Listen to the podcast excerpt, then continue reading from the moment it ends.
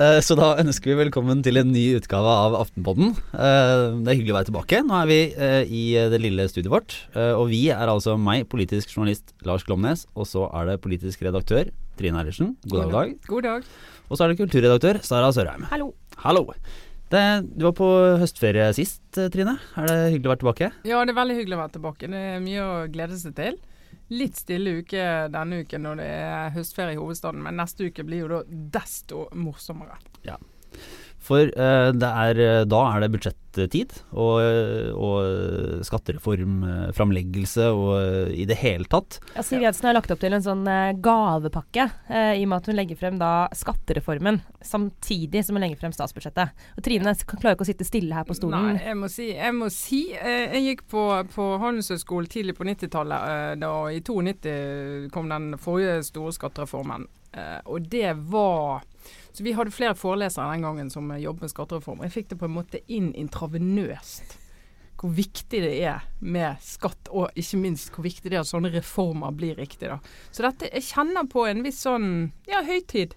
Høytid nok en gang. Og det statsbudsjettet er jo allerede høytid nok. Ja. Men hvis du må velge mellom eh, skattereform og kommunereform Nei, skattereform, det står seg over tid. Soleklart morsomt. Nå var det, Vi hadde egentlig tenkt oss å begynne å prate om, eh, om bilting, men eh, var det, har vi nå egentlig bare bytta om? Eller er det Nei, Lars, vi må først vi må komme tilbake, for det, vi, vi, vi, har jo, vi har jo, ikke minst du, har jo lagd overganger her. så Vi skal Ja, ja, ja. ja. Så Ja, fordi Vi må snakke om bil. vi må Ja. det. For det har jo vært en eh, litt stille uke i Norge, men det er jo ikke stille på den internasjonale nyhetsfronten. Og eh, en sak som du, Lars, har vært litt opptatt av denne uka, er jo Volkswagen-skandalen. Ja, jeg har, jeg har på en måte jeg har fått føle den litt på kroppen. Jeg, jeg kan jo ta et lite oppgjør med saken vi hadde i avisa i dag, som sa at eh, Volkswagen-sjåfører tar, tar dette med knusende ro. Eh, det gjør ikke vi Audi-sjåfører, altså. Eh, for jeg har, jeg har antageligvis en juksebil. Ja. Og sitter og lurer nå på om, eh, om jeg er fanga opp i en sånn internasjonal konspirasjon fra storkapitalen. Uh, og uh, lurer på hva som skjer videre. Kan jo- Hva, hva betyr egentlig å ha en juksebil? Verken jeg eller Trine, det kan vi kanskje innrømme her offisielt, Trine, at vi er ikke ikke, helt ikke pålest på bilskandalen. Nei, jeg har ikke, og jeg har ikke Volkswagen. Nei. Nei, det er jo da at, Jeg sa jo ikke sertifikat, bare nevne det. Nei, håpløst. Men eh, nei, det, det jo, viser seg jo da at uh, Volkswagen uh, gjennomført og i stor stil har uh, programmert bilene sine til å gi andre til å, altså Rett og slett at motoren går annerledes når den gjenkjenner at den blir testa. Sånn at ved testforhold, som da denne smarte bilen klarer å fange opp, så slipper den ut mindre eh, NOx-gass, heter? Ja. Eh, enn det den gjør når den kjører til vanlig. Så det er vel snakk om at ved vanlig drift så er det to, tre, fire ganger så høye utslipp som det man får ved tester, da. Og det viser seg at det gjelder jo ikke bare Volkswagen, det gjelder også Audi, sant? Ja, og, og Skoda og Seat og Seat Skoda. og flere. Og det spekuleres jo om dette er en enda breiere greie, at det gjelder andre merker også, men f.eks. BMW og Mercedes har jo stått knallhardt på at de har absolutt ingenting med dette å gjøre. Og det bør bare stemme. Dette, Det det, bør er stemme. litt sånn, eh, jeg får litt sånn assosiasjoner til doping, internasjonal eh, doping.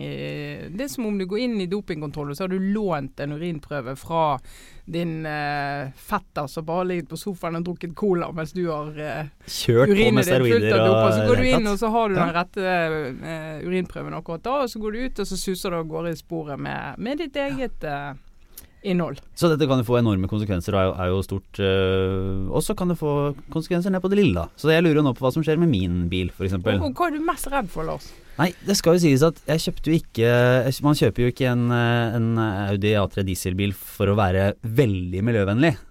Men eh, jeg må innrømme at jeg kikka faktisk på utslippene og sammenligna det med andre biler av den samme typen, og så tenkte jeg at ja, men det er jo ikke så helt gærent dette her. Altså, du- Det kan jeg stå måte- inne for. Ja, så det var jo salgsargument, sånn, eller kjøpsargument i dine øyne, da. Ja. Uh, og så lurer jeg nå på hva de skal gjøre. og Det, det, som, det store spørsmålet er jo uh, hvordan de skal på en måte fikse hver enkelt bil. Uh, om det da kommer til å bare rette opp sånn at bilen fortsetter som før. Eller må jeg innrømme jeg er litt bekymra for at den skal bli dauere enn det den har vært. At du skal få en treigere bil. At jeg skal få en treigere bil. Og da har jeg det moralske dilemmaet. Vil vil jeg ha en mer miljøvennlig bil, eller vil jeg egentlig bare ha en like ålreit og, og sprek bil som jeg har nå. Dette dilemmaet tror du deler med mange. Uh, men det er mange som ikke tør å sette ord på det sånn som du gjør, Lars. Ja. Det, det, skal du ha for. Jeg, litt, jeg, føler jeg er inspirert av, av Saras ærlighet om sånn batteriresirkulering. Så her, her, tar vi I Aftenposten så tar vi det, sier vi det som det er. Ja, jeg har jo innrømt tidligere at jeg kaster batteri rett i søpla. Ja. Så, og det mistet vi en abonnent på, kan jeg nevne. Faktisk. Så bare, bare bring them on. Men ja. det har jo konsekvenser, ikke bare for, eh, for deg, Lars, men øh, åpenbart for Tyskland, for tysk økonomi. Mm. Eh, hvis, hvis, BMW faktisk går over ende pga. dette. Volkswagen. Uh, bare gjenta at jeg er veldig dårlig på biler, hvis ja. dette bilmerket jeg går over ende. Ikke så dårlig på økonomi tross alt, da, fordi jeg har fått med meg at uh, dette kan være en uh, like stor utfordring for tysk økonomi som flyktningsituasjonen. hvis de faktisk ikke klarer denne utgiften, som, denne helt vanvittige boten som Volkswagen får nå. og Wolfsburg, som jo er det stedet hvor 60 tror jeg, nå tar jeg det bare på husken her, men av byens befolkning jobber for Volkswagen, og resten jobber i en eller annen servicenæring som er knytta til Volkswagen. Eh, så Wolfsburg er i fare for å bli Europas Detroit. Eh, og det får konsekvenser. Det gir jo begrepet hjørnesteinsbedrift en helt ny eh, klang og betydning. Eh, og så er det jo en diskusjon i, i Tyskland eh, om eh, hva som har skjedd på leder, toppledernivå i konsernet. Hvem har visst, hvem har ikke visst. er det virkelig mulig å gjennomføre en så svær svindel som dette er, uten at flere har visst det. Mm. Eh, du kommer til å få en diskusjon ut i de forskjellige landene også, tror jeg. Så denne skandalen her er jo gigantisk og så vidt startet. Og så ser man jo at uh, der blir også et spørsmål om, om eventuell erstatning uh, langs hele veien. Altså man, jeg tror vi hadde en sak i Aftenposten her en av dagene om hvordan disse bilene, hvis man hadde hatt, hvis man hadde hatt ærlige målinger, så ville jo avgiftene på dem vært mye høyere. Og sånn sett har jo øh, i og for seg kjøperne fått mer bil for pengene. Og så har staten fått betydelig mindre inntekter. Mm. Så det vil jo absolutt ikke være utenkelig at også Norge, som vel har snakk om 140 000 biler som er omfattet av det her, vil kunne komme med et ganske betydelig krav, også de, da, mot Volkswagen. Ja, det kan det. Og Sånn sett så slår det jo også inn i norsk politikk dette med bilavgiftene. Det er jo et uh, evig tema når, uh, også i, i, når uh, norske statsbudsjetter skal legges. og også et viktig element i norsk miljøpolitikk. og Sånn sett så kan det faktisk kanskje påvirke den diskusjonen vi har nå om bilavgiftene. For det skal egentlig oppnå, skal det ikke det, Lars? Jo, altså det var jo en, egentlig en del av forrige års budsjett budsjettforlik i Stortinget, så, eh, så, har det også vært annonsert at man skal ha en, en helhetlig gjennomgang av nettopp bilavgiftene. Uh, og nå lurer man jo på å snakke med folk i, Venstre og KrF som, er, som, spør seg om den prosessen må utsettes, at man trenger mer tid. Fordi rett og slett grunnlagsinformasjonen er så dårlig, for man ikke vet uh, man vet ikke hva som er normalutslipp, og hvor disse listene bør ligge. Og om man i det hele tatt ja, kan stole på den informasjonen man har. Så det vil jo bli en liten nøtt inn i det arbeidet videre. Mm så er det jo spørsmål om så store bedrifter altså Kan de gå over ende? Er det liksom ja, ja, det sies at ja, altså Volkswagen har mye penger, men uh, Ja, de, de, har nok mye penger på, på bok, holdt jeg på å si. Men uh, vi så jo det under bankkrisen i uh, Altså finanskrisen fra 2008. Og de største bankene, de kan ikke gå over ende. fordi at det får så store ringvirkninger ut i, i, i samfunnet ellers. Og det er jo en del bedrifter som har den samme rollen i praksis. Eh, så de kan faktisk ikke gå over ende. Eh, så kan vi spørre oss hva det betyr. Altså for en sånn bedrift, hvis kundene ikke vil ha produktet f.eks., så hva kan du gjøre da? Uh, og for å redde en sånn bedrift. Men det blir jo spennende å se om kundene har en så nøktern følelse og forhold til det som de vi snakket med i Aftenposten i dag. Så var veldig sånn rolig på det, og egentlig ikke så veldig Ja, det er ikke den store skandalen for de. Eh, eller om det, det, begynner å gå på, på varemerket løs. Hvis, hvis, de har gjort dette, hva annet kan de ha gjort? Underveis. Det er jo den, eh, det er da omdømmet ryker, liksom. Ja. Foreløpig så sies det jo at, at bestillingene av, av, bilene her i Norge f.eks. foregår helt som vanlig. Det er ikke hatt noen endringer. Det tyder på at folk ikke er så utrolig opptatt av denne miljøet. Men de er veldig opptatt av avgiftene, sant. De ja. er veldig opptatt av å finne biler, det ser vi på Tesla-markedet i Norge. Å finne biler der jeg eh, å si, staten sponser deg og bilbruken din for det, i, på den måten at du slipper en del avgifter som folk som kjøper andre biler, eh, får. Eh, så Sånn sett kan det jo etter hvert vri seg hvis eh, avgiftene endrer seg, da. Men eh, hvis vi da går til hjertebarnet, Trine. Ja. Neste uke. Ja. Er- julaften dobbelt. Ja, det ja. både statsbudsjett og, og skattereform. Ja, jeg, jeg, Hva, det vi kan, hva, hva kan vi vente oss? Ja, de, de, eh, de to henger jo eh, sammen. Eh, Vi husker fra budsjettet i fjor at skatt var jo et stort, stort tema. Kuttet Kutt i formuesskatten var jo noe av det regjeringen fikk aller, aller mest kjeft for. Skattereformen nå skal jo prøve å gi en sånn Altså et helhetlig forslag til hvordan vi kan endre skattesystemet vårt sånn at det blir mer effektivt. Altså alle alle økonomer og samfunnsøkonomer de, de tror jeg de har et hjerte som banker for skatt. For det er et sånt verktøy for å drive med politikk, for å drive med eh, fordeling, for å drive ikke minst med inntektshenting eh, fra samfunnet vårt.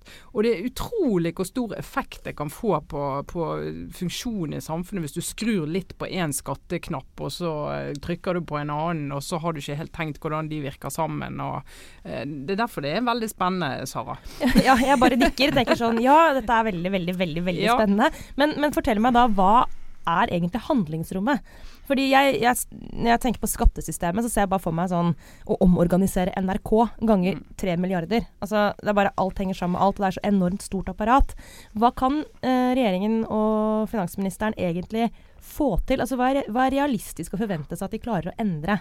Ja, de, de kan endre ganske mye. Altså, eh, Finansdepartementet har jo kanskje de mest fantastiske sånne makroøkonomimodeller du kan tenke deg. De har noen regneark som eh, ja, eh, Du ville blitt mørkredd, Sara, hvis du hadde sett formelen i eh, regnearkene. Eh, eh, hvor de kan, de kan på en måte plotte inn, hvis du endrer på den, hva, hva, hva utslag mener vi da at det får på andre områder. Så de kan sitte og tune på det der ganske nøye.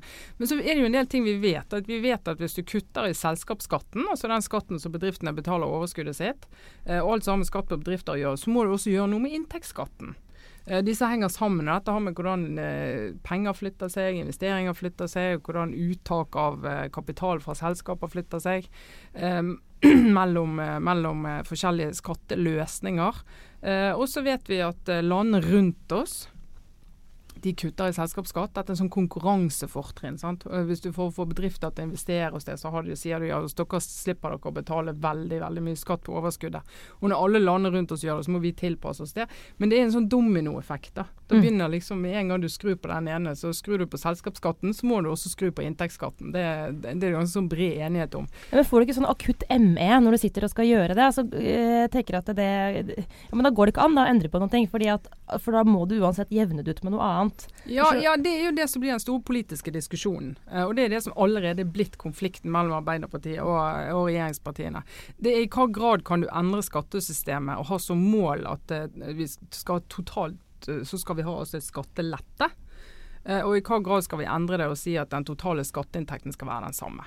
Det er konflikten, da. Men nå har det jo det har kommet, ikke i og for seg sånn bekrefta lekkasjer, men det har vært, eh, vært skrevet flere steder at regjeringa ser på muligheten for å senke selskapsskatten med to prosentpoeng. eh, og gjøre det samme da med inntektsskatten. Og da er det, det er enorme summer. Jeg tror det var snakk om eh, det er ca. 25 milliarder i året eller, på, på hvert prosentpoeng på de to til sammen. Altså, ja, for du regner eh, 2,5 milliard eh, hvis du kutter selskapsskatten med et prosentpoeng, og så regner du en eh, 12-13 hvis du tar selskaps... Eh, altså over tid, da. Hvis du tar inntektsskatten er samme. Så hvis de to skal følge hverandre, så kan du liksom regne 13 per ja, prosentpoeng. sånn, ja. Mm. Og hvis man eh, dobler det, så, så er det Ja, da er vi over 25, Ja. og det er voldsomt Ja. Eh, Men hvis man uansett om, eh, om Høyre og Frp vil ha skatteletter, så vil de jo ikke De, vil ikke gå inn for å, for å kutte så mye. Nei. Altså ha det som netto, netto skattelette for neste år. Hvor er muligheten til å hente inn, er det egentlig det første spørsmålet jeg lurer på. Og det andre er er det da man kan vente at det gjøres noe med rentefradraget? Det er jo Forslaget fra Scheel-utvalget er jo eh, å kutte i en haug med fradrag. Altså Scheel-utvalget som har lagd utgangspunktet for den skattereformen, eh, ble lagt frem for et år siden.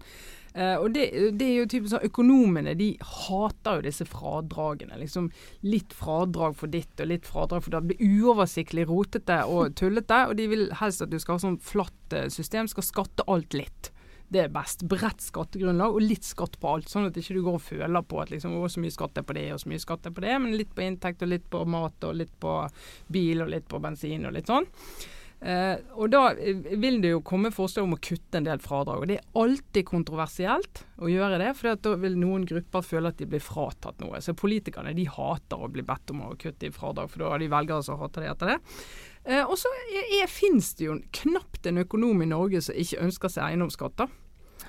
Uh, og det, der tror jeg nesten alle som har uh, studert økonomi mer enn tre kvarter, de, de vil ha eiendomsskatt. Uh, og så er det en sånn diskusjon om du skal ha det som en sånn skatt for å veie opp for kutt andre steder. Eh, eller om du skal ha det som en skatt for å liksom øke skatteinntektene. Men at det er en god skatteform som fungerer godt, som er effektiv og treffer godt, er det ingen tvil om. Men denne regjeringen kan jo ikke innføre eiendomsskatt, Trine? Denne regjeringen kommer ikke til å gjøre det. De er maniske. Vi er nesten si sykelig opptatt av å ikke ha eiendomsskatt. Eh, det burde de ikke være. Uh, Arbeiderpartiet er ikke like sykelig opptatt av det, men de vet at uten at Høyre er med, så er det helt fåfengt å få det til. Da.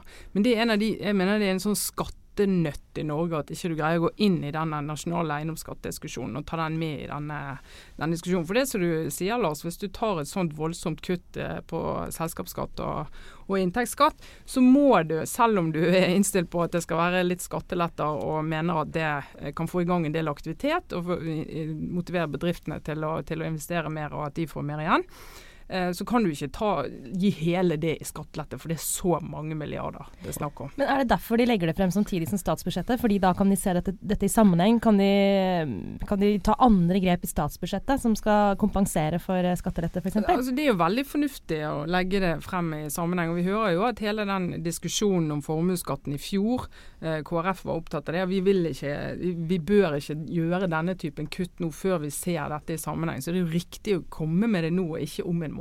Så det, det blir travelt for oss å holde på med det. Veldig morsomt.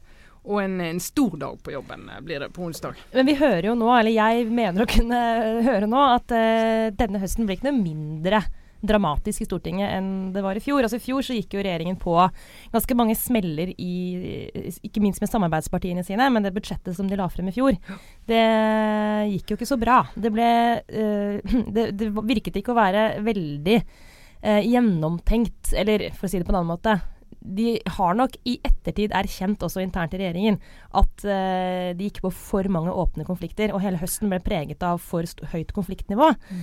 Eh, og så vet jeg at de har prøvd nå, eh, i hvert fall hatt som konkret mål for eh, budsjettet som kommer nå, eh, å unngå eh, like sånne ubehagelige konflikter, særlig med samarbeidspartiene. Det ambisiøse målet om ikke drite seg ut.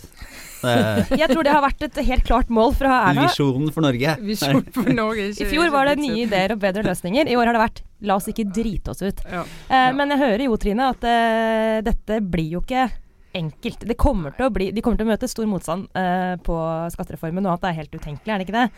Ja, altså Skattereformen som, alle, Det er noe brei enighet om at det trengs en skattereform. Det må du gjøre med jevne mellomrom. For etter hvert som årene går mellom disse reformene, så ser, får du en del tilpasninger. Du ser at uh, altså skatteadvokatene og, og de storbedriftene, og også de små, er veldig flinke til å finne måter å tilpasse på som ikke nødvendigvis er effektivt sett med samfunnets øyne. altså Ikke effektiv plassering av penger, og liksom penger flyttes ikke sånn som de bør for at vi skal ha verdiskapning.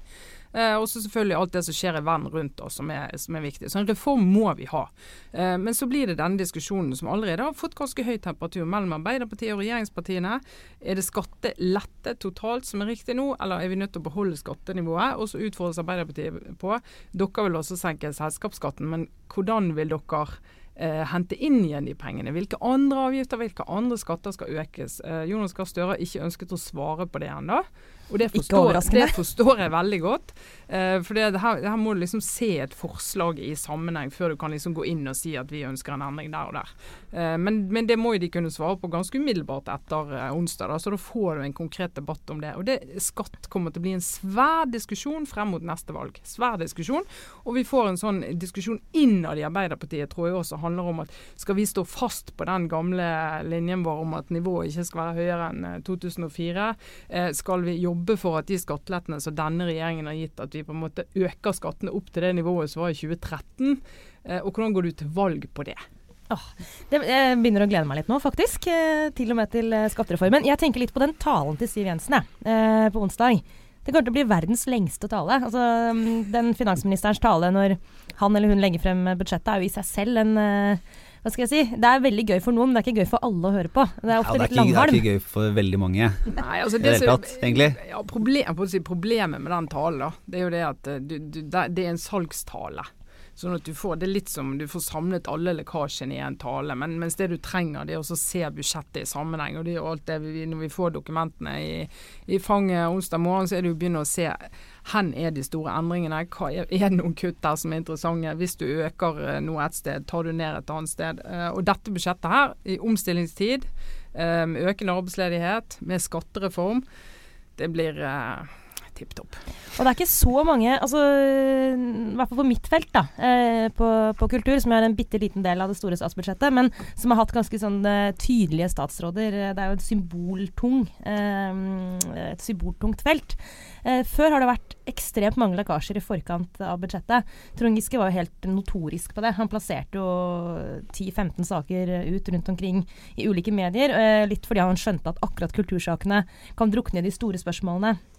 Denne gangen så det virker som regjeringen har en litt annen holdning. I hvert fall innenfor eh, de områdene jeg følger tettest, så er det ganske lite lekkasjer. Faktisk ikke vært noen store egentlig på kulturfeltet. Men uh, Bortsett fra at de har planta en yes. drittsak, eller hva skal En, en eh, vond sak eh, for, mener mange. Fordi Tore Lydvei, kulturministeren, konkurrerer jo om å være i hvert fall den minst populære kulturministeren på ganske mange år, når hun ja. varsler endringer, eller det ryktes at det blir klare endringer i denne knutepunktfestivalordningen. Ja, og den er jo ikke, det er veldig sånn byråkratspråk, men veldig kort fortalt så er det sånn at det har vært ti festivaler i Norge, bl.a. Øyafestivalen, som har hatt en sånn eh, statsstøtte som har vært på statsbudsjettet. Ja. hatt støtte som har vært på budsjettet, eh, og som de eh, har hatt full forutsigbarhet på. Eh, når du først har fått innvilget knutepunktstatus, så har du den for alltid. Eh, og dette har det vært masse diskusjon rundt, men det er klart de festivalene som har denne støtten, er jo veldig glad for det. Men eh, Vidvei har, og det eh, er interessant med henne, hun har vært veldig tydelig egentlig fra dag én, hun har sagt det i hvert fall i uformelle møter helt siden hun ble statsråd, at sånne type ordninger er hun imot. Eh, det er en eh, Altså det skaper en sånn eh, konserverende situasjon. Fordi eh, de ti som har statusen, eh, trenger ikke lenger å konkurrere om pengene. Mens de som er festivalene som, som er på vei opp, de har ikke noe insentiv egentlig for å prøve eh, å treffe et bredere publikum. For å prøve å å- hva skal jeg si, å ha et kunstnerisk utfordrende program, for det er ikke noe støtte for dem å hente likevel. Eh, og Sånn sett så er dette her midt i blinken sånn for en blå-blå kulturpolitikk å endre på dette, eh, i strid med det som har vært den rød-grønne kulturpolitikken, som har nettopp vært opptatt av forutsigbarhet og det å trygge institusjonene. Um, og Vidvei, litt urettferdig så er jo hun eh, sett på som en kulturminister som, kulturminister som ikke får til så mye. Eh, og og sans, det er sant også at hun har møtt på mye motstand. Eh, men sånn som dette, hvis dette stemmer, at hun faktisk kutter denne støtten, så er det en, et eksempel på en handlekraftig politiker. Så kan man være for eller mot den støtten, men det er helt i tråd med de signalene som regjeringen sender ut på dette feltet, at det er, at det er riktig å kutte den mm, fra deres ståsted. Så jeg er liksom spent på denne debatten. Jeg håper at hun er like tøff i trynet i den offentlige debatten på disse spørsmålene som hun er på bakrommet. Mm.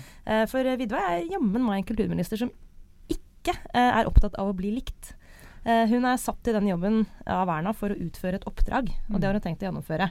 Du ser, ikke, ser ikke at hun eh, går bærende rundt på Mira Craig på festival?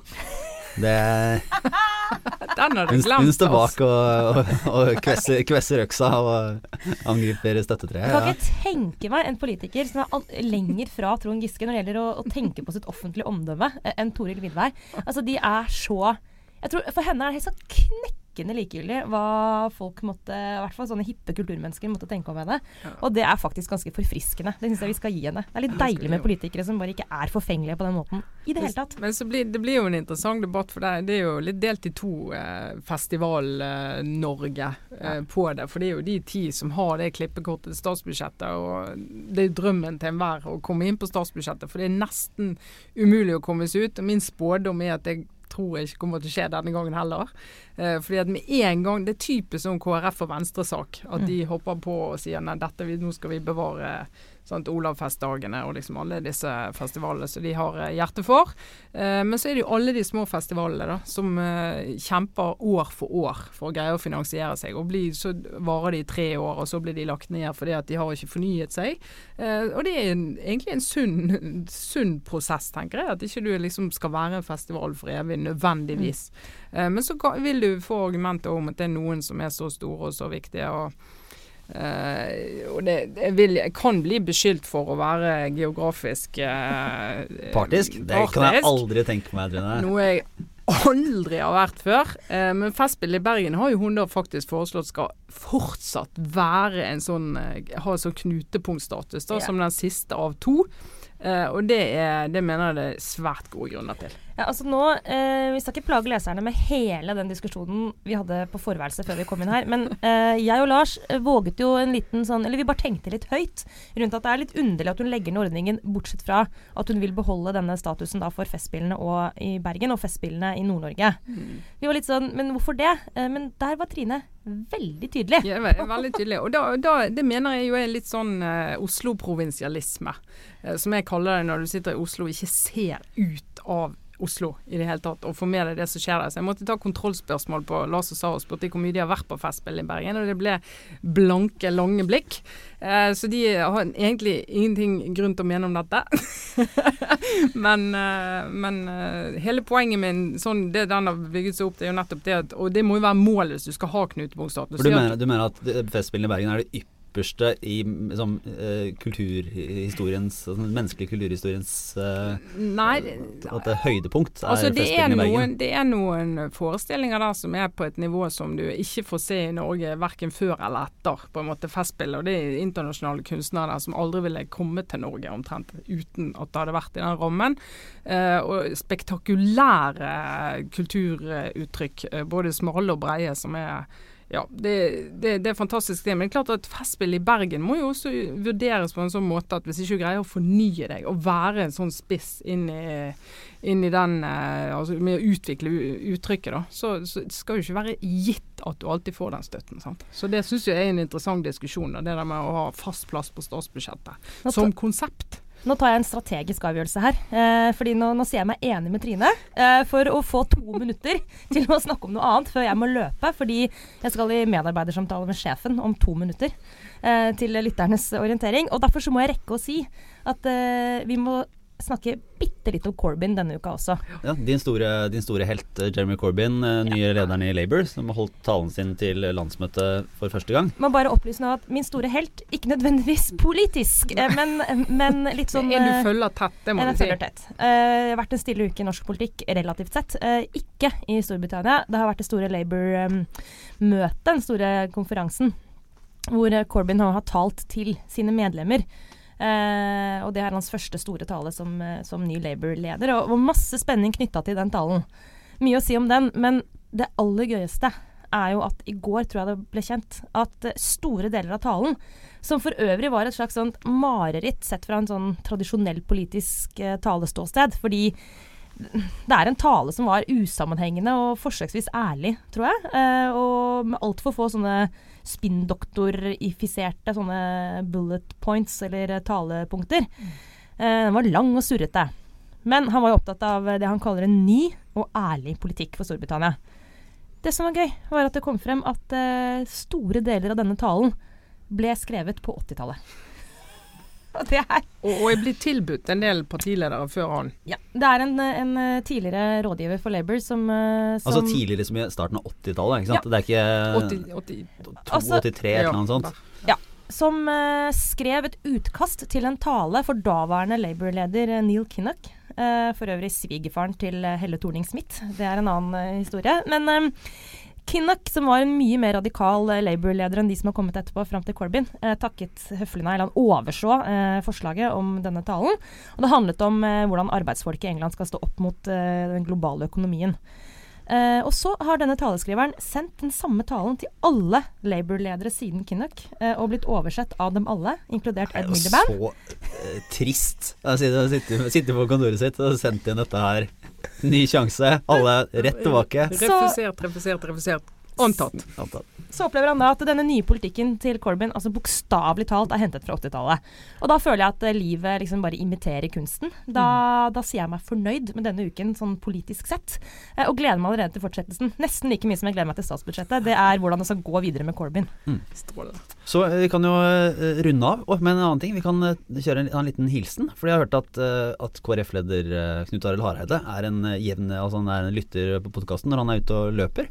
Så Knut Arild, nå må du ta i litt ekstra når du ikke har lyst til å dra deg videre. Noen kjappe intervaller nå. Ja, Så takker vi for oss for denne uka. Sara Sørheim, Trine Eilertsen og meg, Lars Glomnes. Ha det bra.